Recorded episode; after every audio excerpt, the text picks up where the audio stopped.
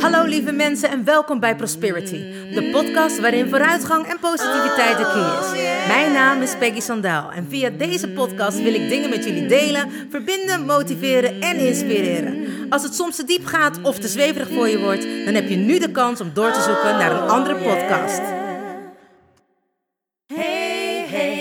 You still there? Do you want to listen or just don't care? I'm singing my song and talking my talk. Talk away your feeling and walk my walk. I'm here to share, connect and give. All I got, I call it God's gift. So listen and learn and do what's good for you. I have no expectations, but I share, care and give my love to you. Hey, wat super! Je bent er nog. Nou, welkom gelijkgestemde. Ik heb er zin in. Let's go! Oh yeah. Goedemorgen allemaal. Ja, voor mij is het ochtend. Ik weet niet wanneer jullie dit luisteren. Maar ik ben onderweg naar mijn opleiding. En ehm, ja, ik had ineens weer zoveel inspiratie om toch even wat te melden en met jullie te delen. Ik ben gisteren bij een bruiloft geweest. En het is dan toch altijd weer zo bijzonder als je zelf getrouwd bent. Ehm, en ook al ben je niet getrouwd, bedoel gewoon wat liefde met mensen doet. Sorry, kikker. De ochtendkikker was er. Maar ehm, ja, wat ik daarover wilde zeggen, dat ik het zo te gek vind eh, dat je bij elkaar kan komen voor twee mensen en dat je hun liefde gaat bezegelen. Omdat zij tegen elkaar zeggen ja voor de rest van hun leven. En misschien is het wel niet voor de rest van hun leven, maar op dat moment doe je dat wel. En dat geeft dan zoveel liefde. En ineens besef je dat je er allemaal bent voor één persoon. Waar je met z'n allen heel veel van houdt. Ik weet het niet, maar ik vind het toch echt iets mega magisch. En ehm, ja, daarom wilde ik jullie zeggen: celebrate love. Hou van elkaar. Vertel het vaker tegen elkaar dan wanneer mensen dood zijn. Heel vaak heb je dat mensen met elkaar gaan praten. eh, of, of iets over iemand vertellen die dood is. En dan vertellen ze wat voor een mooie persoon dat is. En dan vertellen ze wat die persoon allemaal gedaan heeft. En wat voor invloed die persoon op jouw leven heeft gehad. En ik vind het zo mooi dat ik me dat al veel vroeger ben gaan beseffen. En tegen mijn ouders heel vaak zei... Heb ik vandaag al gezegd dat ik tegen je hou? Of als ik ze belde. Of als ik bij mijn schoonmoeder ben. Of tegen mijn man. Ik zeg het iedere dag. En mijn man had een tijd lang dat hij het zo vaak zei... dat ik het op een gegeven moment gewoon niet meer kon geloven. Maar dat had echt met mij te maken. Dat ik gewoon nog niet zoveel van mezelf hield. Dat ik daar nog niet was. Dat ik nog niet kon geloven dat iemand anders echt zoveel van mij kon houden. En meer omdat ik nog niet zoveel van mezelf kon houden. En ik weet nog wel dat mensen vroeger tegen mij zeiden... ehm, ja, zelfliefde. Je kan niet van iemand anders houden voordat je van jezelf houdt. En ik dacht, wat een fucking bullshit. En sorry voor mijn language, maar ik vond het echt zo'n onzin als mensen dat zeiden. En ja, verstand komt met de jaren. Hoe irritant ik dat ook vond wanneer mensen dat zeiden als ik jong was. En ik natuurlijk weer roekeloos gedrag vertoonde. Of een opmerking maakte zonder daar eigenlijk over na te denken. Mijn moeder zei altijd, je moet eens een keer nadenken voordat je wat zegt. En toen dacht ik, hoor wie het zegt. I learned from the best. I'm learned from you.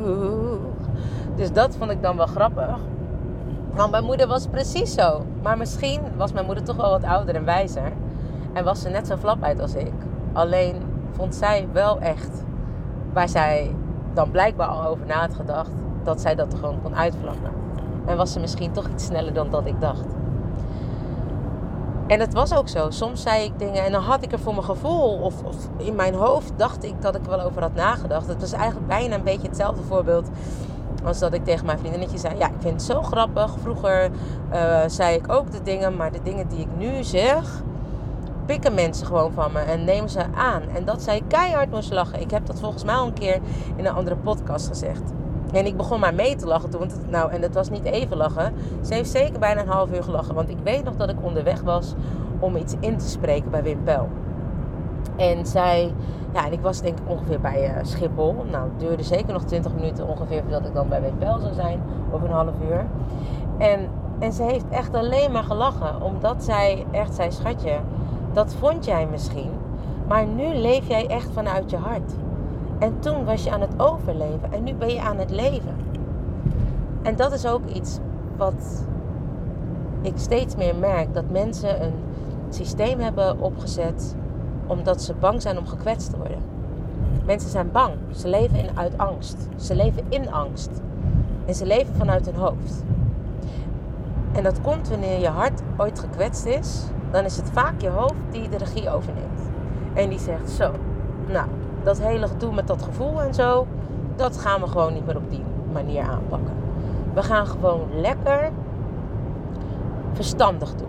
En verstandig, hè, het verstand, zegt het zelf al, zit in je hoofd. En daar gaan wij eens vanuit, want daar gaan we wat mee doen. We gaan niet meer zoveel laten voelen. We gaan mensen niet meer zo dichtbij laten komen. Nou ja, ik was één toen ik dat besloten had. Omdat ik uh, geadopteerd ben, of een pleegkind ben, sorry. Um, en mensen, ja, het voelt altijd of dat ze mij gewoon geadopteerd hebben, omdat ik daar nou, heel mijn leven heb gewoond. Eigenlijk tot aan mijn, uh, totdat mijn ouders dood waren, zeg maar. Ja, toen pas kon ik niet meer bij ze langs gaan. Maar zeg maar, ik heb nog steeds gewoon contact met mijn uh, wensbroers. En ik vind pleeg, zoals zoveel mensen weten, echt een understatement voor mensen die kinderen adopteren of plegen. En wat vroeger het verschil was tussen pleegkinderen en adoptiekinderen was dat uh, adoptiekinderen vaak hun ouders niet kenden of niets van hun biologische uh, ja, familie wisten. En vroeger was het ook niet nodig om daar iets van mee te geven. Het kinderthuis probeerde dan wel eens uh, iets mee te geven. Heel vaak moeten mensen zelf vra vragen om de ja, vindkleding, dus waar de kinderen in zijn gevonden of waar de kinderen in zijn gebracht.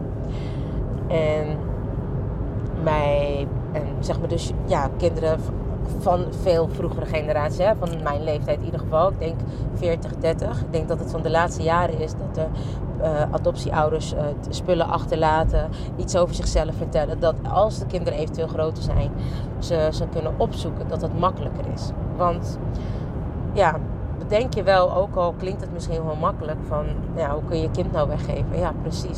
Hoe kun je nou een zieltje wat je negen maanden bijgedragen hebt, zonder blikken of blozen afstaan? Nou, guess again. Ik denk dat er weinig vrouwen zijn die dat doen. Of je bent zo radeloos, zo hopeloos. Je gunt je kindje zoveel meer dan wat jij weet dat je te bieden hebt. En wat mensen ook soms zeggen, houden van is loslaten. Dus als je zoveel houden van hebt, dat je dat kan, ik denk bijna je kostbaarste bezit kan weggeven, dan is dat wel een groot houden van.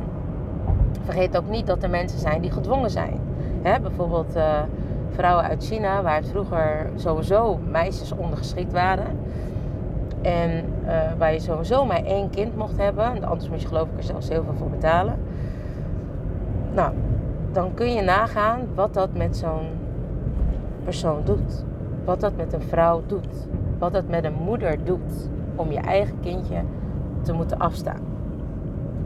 Nou, bij pleegkinderen is het vaak zo dat de situatie thuis op dat moment niet goed is, maar de ouders in principe wel capabel genoeg zijn om voor de kinderen te zorgen. Maar dat de situatie gewoon even zo is dat dat niet kan. En dan meestal gaan kinderen in een weekend of een paar dagen in de week of hè, voor een tijdje bij een, uh, komt voor een tijdje bij een gezin. En dan gaan ze, ja, wanneer de situatie thuis weer een uh, originele thuisbasis uh, weer goed is, gaan ze weer terug. Nou, in mijn geval was dat niet zo. En daarbij um, bij pleegkinderen, wenskinderen, um, zijn ook, worden de ouders niet uit hun uh, ouderlijke rechten of uit hun ouderlijke macht gezet. En um, is geloof ik alleen maar de voogdij gedeeld met de mensen die over dat kindje gaan. Dat weet ik niet helemaal zeker meer. Ik weet niet meer precies hoe dat bij mij was. Ik weet alleen dat mijn vader uh, toen zij vroegen of dat uh, ze mij wilde adopteren, zei mijn vader nee, ik wil niet dat haar moeder haar uh, moederrechten verliest. Ze heeft al zoveel moeten doorstaan om haar kinderen kwijt te raken. Uh, ik gun haar niet nog meer verdriet. Zij is en blijft hun moeder. Nou, als ik dat zeg, raak ik bijna, enorm, nou niet bijna, raak ik heel emotioneel. Omdat ik denk, wauw, dan heb je echt heel veel liefde in je. En waar ik mee begon, hè, dat dat zo mooi is wanneer je liefde kan delen en wanneer je liefde kan vieren met elkaar. Wanneer je een dag hebt waarin allemaal mensen bij elkaar komen om dat moment te vieren. De energie die dan loskomt is zo bijzonder. En ik denk dat elk moment dat gevierd wordt er liefde is. Bij een geboorte, bij een bruiloft, bij een verjaardag, bij een feestje. Want je nodigt de mensen uit die jij graag om je, graag om je, om je heen wilt hebben. En niet zomaar mensen dat je denkt, nou, dan vul ik in ieder geval mijn feestje op. Ik vond dat echt, ja, wederom weer heel iets bijzonders om te mogen zien. En ook toen ik het zelf heb mee mogen maken. Nou, iedereen vond mij een bridezilla. Maar ik vond gewoon dat ik wist wat ik wilde. Hetzelfde als dat mensen zeggen, ja, je bent een diva. Nee, ik weet gewoon wat ik wil. En als je dat expliciet heel hard op zegt, nou, dan vinden mensen soms dat je veel eisend bent. Maar ik denk alleen maar, hebben we met z'n allen genoten die dag? Was alles tot in de puntjes aan toe geregeld? En daar ben ik mijn vrienden enorm dankbaar voor. Die echt belangeloos, letterlijk belangeloos, uh, alles voor mij die dag hebben gedaan. Um, ik uit, nou ja, respect noem ik hun namen nu even niet. Of misschien moet ik het wel doen. Maar uh, nou, mijn haar, mijn make-up is echt tot in de puntjes aan toe geregeld en gedaan. De hele dag door door een van mijn beste vrienden. De kleding, mijn trouwjurk uitgezocht met een vriendinnetje. Wat toen al wel een vriendin was. Maar door die momenten die ik met haar heb meegemaakt. En de manier waarop zij mij heeft behandeld met zoveel respect en liefde en eigen keuze. Daar begon het al dat ik voor mezelf moest gaan kiezen en mijn eigen waarde uh, naar boven mocht komen omdat ik iets mocht gaan beslissen. En het klinkt heel stom, want nu doe ik net dat ik nooit dingen besloten heb. Maar ik vond het altijd wel eng om keuzes te maken zonder dat ik andere mensen zou kwetsen. Of dat andere mensen iets van me zouden denken. Of dat andere mensen iets van me zouden vinden. En voor het eerst voelde ik die complete vrijheid en dat ik dacht, ja, dit is mijn dag. Ik mag bepalen wat ik wil. Ik mag dragen wat ik wil. Maar wat zouden andere mensen ervan verwachten? Zouden ze mij in zo'n jurk zien? Wat hadden ze verwacht? Hadden ze iets totaal over de top verwacht? Want dat ben ik natuurlijk wel een beetje. Als ik optreed is het altijd glitter en glamour. En ik had natuurlijk echt wel glitter en glamour jurken gepast. Maar op de een of andere manier had ik nog één keer een gevoel. Ik was naar drie winkels geweest. Of kijk, zeg ik dat goed? Ja, totaal drie winkels geweest. Nou, één keer met uh, de mensen die ik heel graag bij me wilde hebben. En, um, en de tweede keer dacht ik, nou, ik ga alleen. En het was ook zo grappig. Want het was ook zo bijzonder. Nou ja, een bruidsjurk zit zo tegen de 3000 euro aan. Dan heb je een kale bruidsjurk, heb je er voor de rest nog niet een sluitje aan. Of, uh, en dat is misschien ook de keuze die ik had, hè, waar ik uitgekozen heb. En ik ben gewoon niet opgevoed om heel veel dure dingen voor jezelf te kopen. En niet zo, kijk, als je het hebt, moet je het zeker doen. Maar ik denk altijd, ik kan daar zo voor die 3000 euro, kan ik nog iemand anders ook gelukkig maken. Weet je, kan ik 1000 euro weggeven, want je draagt hem maar één dag. Dus eigenlijk vind ik echt dat je iets weggeeft. En dat vind ik. Ik vind het ook, bedoel, te gek als mensen het wel doen. Hé, hey, daar heb ik echt geen oordeel over, hè. Maar voor mezelf vond ik dat te heftig. En het mooie was dat een vriendin van mij zei: Ja, maar vind je het jezelf dan niet waard? Je geeft zoveel geld uit aan andere mensen. Maar vind jij jezelf het niet waard? En toen, dacht, moest ik daar heel hard om huilen. Omdat ik dacht: Ja, Jezus, vind ik mezelf dat dan niet waard? Nou, blijkbaar was ik toen misschien ook nog niet zo ver dat ik het mezelf helemaal waard vond. Maar waar ik het in mijn andere podcast over heb gehad, dat ik het heel fijn vind om te geven. Ik word gelukkiger van geven dan van nemen. En trust me, wanneer ik nu neem, neem ik ook echt. En heb ik ook echt geen gêne om te nemen. Maar ik vind geven bijna net zo fijn als ontvangen. Al dan niet fijner. Dus had ik ervoor gekozen om niet zo'n dure jurk te nemen. Als in een jurk die ik gewoon betaalbaar vond. Maar eigenlijk ben ik gewoon gegaan voor de jurk waar ik me echt een prinses in voelde. En het was zo leuk dat ik uh, ging passen. En was toevallig stond daar een oude vriendin of oude collega van The Lion King was in die winkel. En uh, ja, dus dat was toen al helemaal, werd het helemaal bijzonder. Dus ik voelde me helemaal fijn en werd super geholpen. En toen zei ze, je ging naar binnen als een, als een prinses. En je kwam eruit als een koningin. Nou, en dat vond ik zo te gek. En ze zei, je straalde echt. En in het begin had ik zoiets van, ja, dit en dat moet er nog aan. En uh, uh, ik wil dan nog zo'n laagje erop, weet je. Want ik dacht dat hij niet helemaal perfect was. En uiteindelijk heb ik helemaal niks meer aan de jurk veranderd. Heb ik hem echt gelaten hoe die was. Want ik voelde me er zo mooi in. Dat was heel grappig, want ik moest nog 10 centimeter in omvang kwijtraken. En dat is me gelukt. Hij was zelfs te groot. Maar ik heb niet echt van die enorme heupen, zeg maar. Ik ben best wel smal. Ik loop een beetje zo, hè, breed van boven en dan heel smal naar beneden.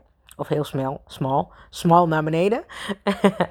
en uh, dus ik heb eigenlijk ik heb wel een achteruitstekende bil, maar geen heupen. Voor de mensen die mijn lijf niet kennen, even gedetailleerd hoe het eruit ziet. En in de jurk zaten een soort van heupjes. En als we dat dan in gingen nemen, als we de jurk echt zouden innemen helemaal op mijn lijf, dan waren die heupen weg. En ik vond het zo sexy dat ik heupen had. Dus dat was heel erg leuk. En daarin, zeg maar, dus in het weten wat je wilt. Um, dat was echt zo'n moment. En ik wist toen echt, nee, ik wil niet zoveel geld uitgeven. Wat ik al zei, A, ben ik niet zo opgevoed. B, hou ik gewoon veel meer van geven dan ontvangen. Neemt niet weg dat wanneer ik nu ontvang, bedoel, ik vind het fijn in kleine of andere dingen te ontvangen. En ik bedoel, niet alleen maar klein, maar ik kan echt wel ontvangen nu. Maar ik word ook gewoon heel blij van geven. Ik denk dat het inmiddels eigenlijk, als ik het nu zo hardop tegen jullie zeg, dat het wel in balans is. Dat ik net zo goed kan geven als ontvangen. Maar ik word eigenlijk toch nog steeds wel een stukje gelukkiger of blijer van geven dan ontvangen.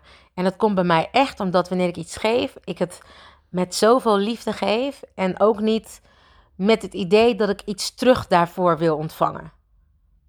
Dus ik ja, ben daarin wel echt onbaatzuchtig. Ik geef om niet per se te hoeven ontvangen. En als ik het wel ontvang of als ik wel iets terugkrijg, dan vind ik dat ook heel fijn. En daarin, zeg maar, uh, net zoals de podcasten en de bloggen, ik geef het. Ik vind het fijn. Mensen hoeven daar niks voor te betalen. Ik krijg al, en wat ik daarvoor terugkrijg is jullie dankbaarheid. Is dat mensen het delen of dat mensen uh, mij vertellen hoe ze zich daarbij voelen. En blijf dat ook vooral met z'n allen doen. Hè? Want dat is mijn dankbaarheid. Zo voelt dat. Dat ik daarin weer heel veel terug kan geven om door te blijven gaan met schrijven. Nou ja, en ik heb het al een keer eerder gezegd. En wat me echt te gek lijkt, is dat uh, de mensen die het lezen en wanneer je een blog bijvoorbeeld hebt of een podcast. De podcast gaat dan niet, maar ik schrijf iedere maandag een blog, iedere woensdag een podcast en iedere vrijdag ben ik live met de Q&A op de Prosperity Facebook pagina. Uh, wanneer jullie nou een blog lezen die je enorm raakt, laat mij dat dan weten.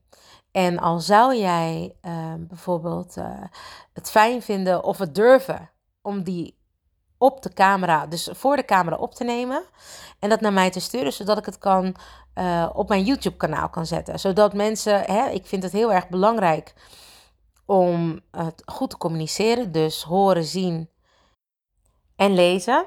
Want als je ook op de Prosperity uh, Facebookpagina komt, dan kun je het lezen. Je hebt een, een stukje film waar ik dan eigenlijk nou, ongeveer hetzelfde vertel als wat er in het stukje staat. En je hebt dan de audio, dus dat je het echt kan luisteren. Dus daarom vind ik het ook belangrijk en lijkt het me superleuk als we dit zeg maar dan kunnen opnemen, maar dat ik dat niet ben. Want ik bedoel, jullie horen mijn stem nu al de hele tijd als je de podcast volgt. Maar het lijkt me ook te gek als een keer andere mensen het zouden willen voorlezen. Nou, laat me maar weten als je de podcast ontvangen hebt. Uh, stuur me vooral een berichtje, een mailtje. En uh, nou ja, dan gaan we dat opzetten dat het op YouTube ook uh, zichtbaar is. En natuurlijk ook hoorbaar. En waar ik het met jullie ook over wilde hebben is um, over de leiding daarin nemen. Dus wie voelt zich van jullie een leider of wie voelt zich een volger? Dat is een vraag. Hè? Ben jij een leider of ben jij een volger? En hoe kom jij erbij dat je een leider bent? Hoe weet je dat? Nou, ik had pas, ik, nou, zoals jullie weten, hou ik ervan om mijn dag te beginnen met of een podcast te luisteren of een, uh, nou ja, een video te kijken die mij in mijn gevoel geeft. Of die mij in mijn, in, in mijn alignment uh, laat komen. Of die mij hè, het optimale gevoel geeft in wat ik wil bereiken. Zoals ik al zeg, omring je met uh, like-minded people. En doe de dingen die jou op jouw niveau brengen. Laat je niet afleiden door wat andere mensen doen, maar ga het zelf doen.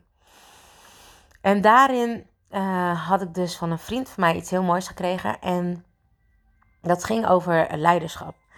En dat, die man vertelde een verhaal over een meisje die ging studeren. En ze zei, ja, uh, ze twijfelde heel erg. Ze had al het gevoel dat ze niet moest gaan studeren. En nou ja, de ouders zeiden, weet je, we gaan je gewoon inschrijven. Heb je dan bij de inschrijving nog steeds het gevoel dat het niet uh, goed is, dan stop je ermee. Dan mag je uitschrijven. Nou, de meisje stond in de rij en ze begon echt al, ze draaide zich om en had echt al besloten, ik ga dit niet doen.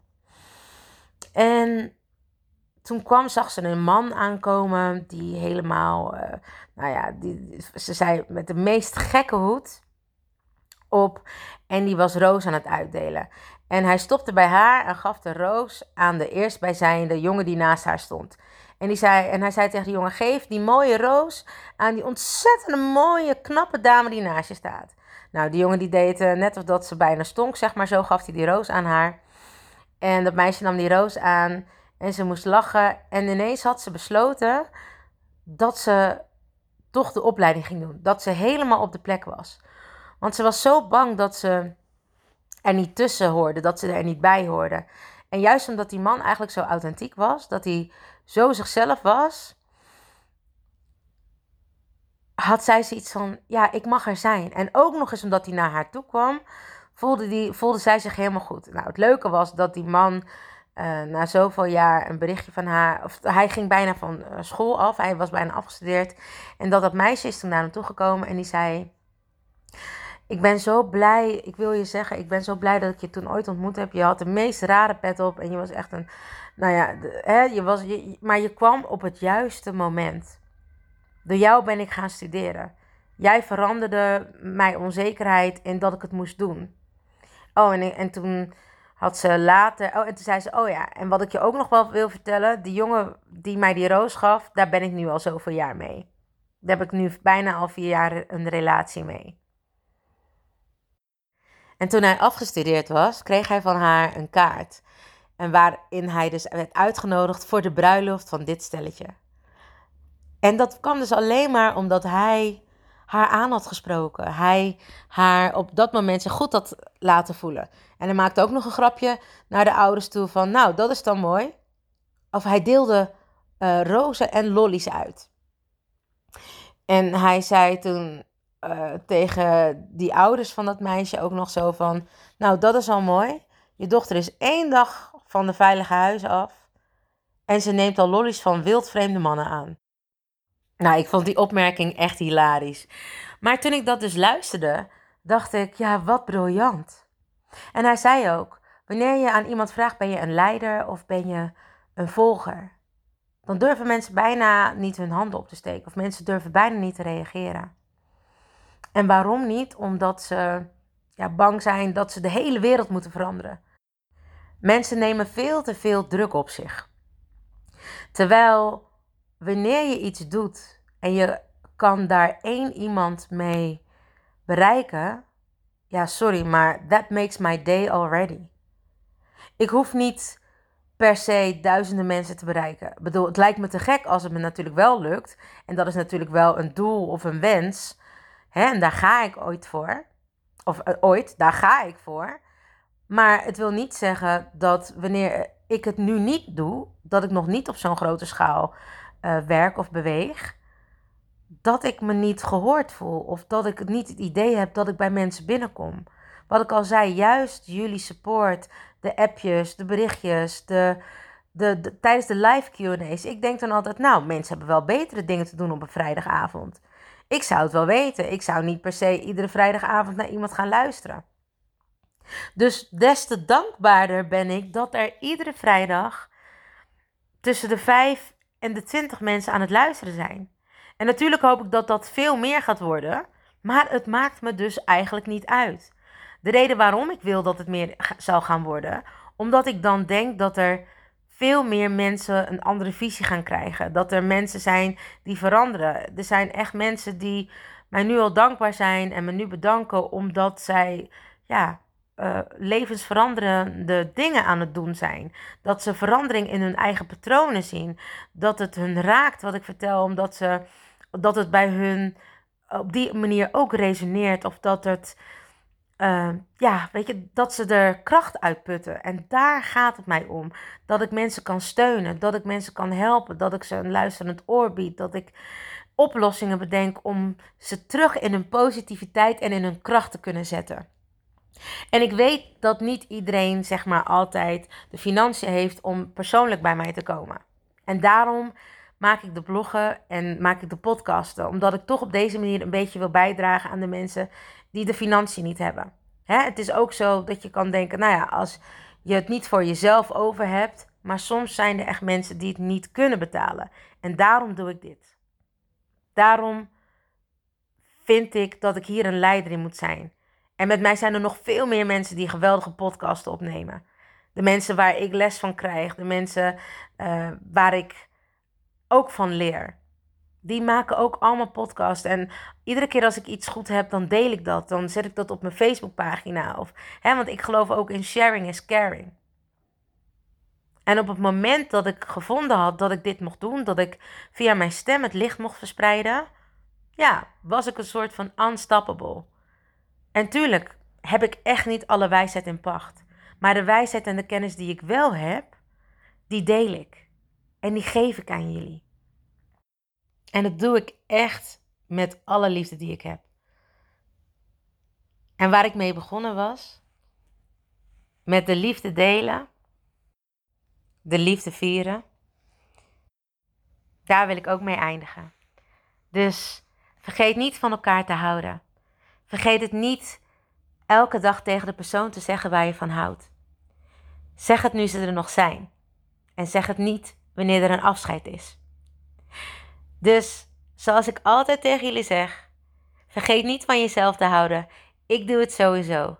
En I salute you with love.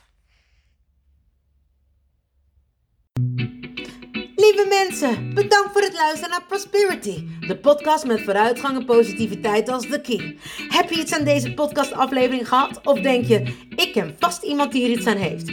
Deel dan alsjeblieft de podcast, want ik geloof in sharing is caring. Ben je geïnspireerd en of gemotiveerd? Tag me dan met een screenshot via Instagram, deel het op je story of andere social media. Vergeet me niet te volgen, zodat je op de hoogte blijft van alle podcastafleveringen. En ik zou het te gek vinden als je de podcastaflevering opzoekt op Soundcloud of Spotify en laat een berichtje achter. Hoe meer berichtjes, hoe beter de podcast naar voren komt.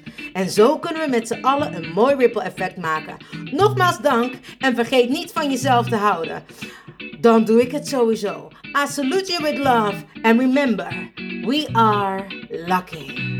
Baby, you're so lucky. Honey, you are free. You just need to love yourself. That's all I wanna see. You're here to learn. You're here to shine. You're so radiant. Don't waste no time. Don't let nobody tell you. Cause you are perfectly fine, and that's the truth. Baby, you're so lucky. Honey, you are free. You just need to love yourself. That's all I wanna see. Baby, you're so lucky. Honey, you are free. You just need to love yourself. That's all I wanna see. Baby, you're so lucky, lucky.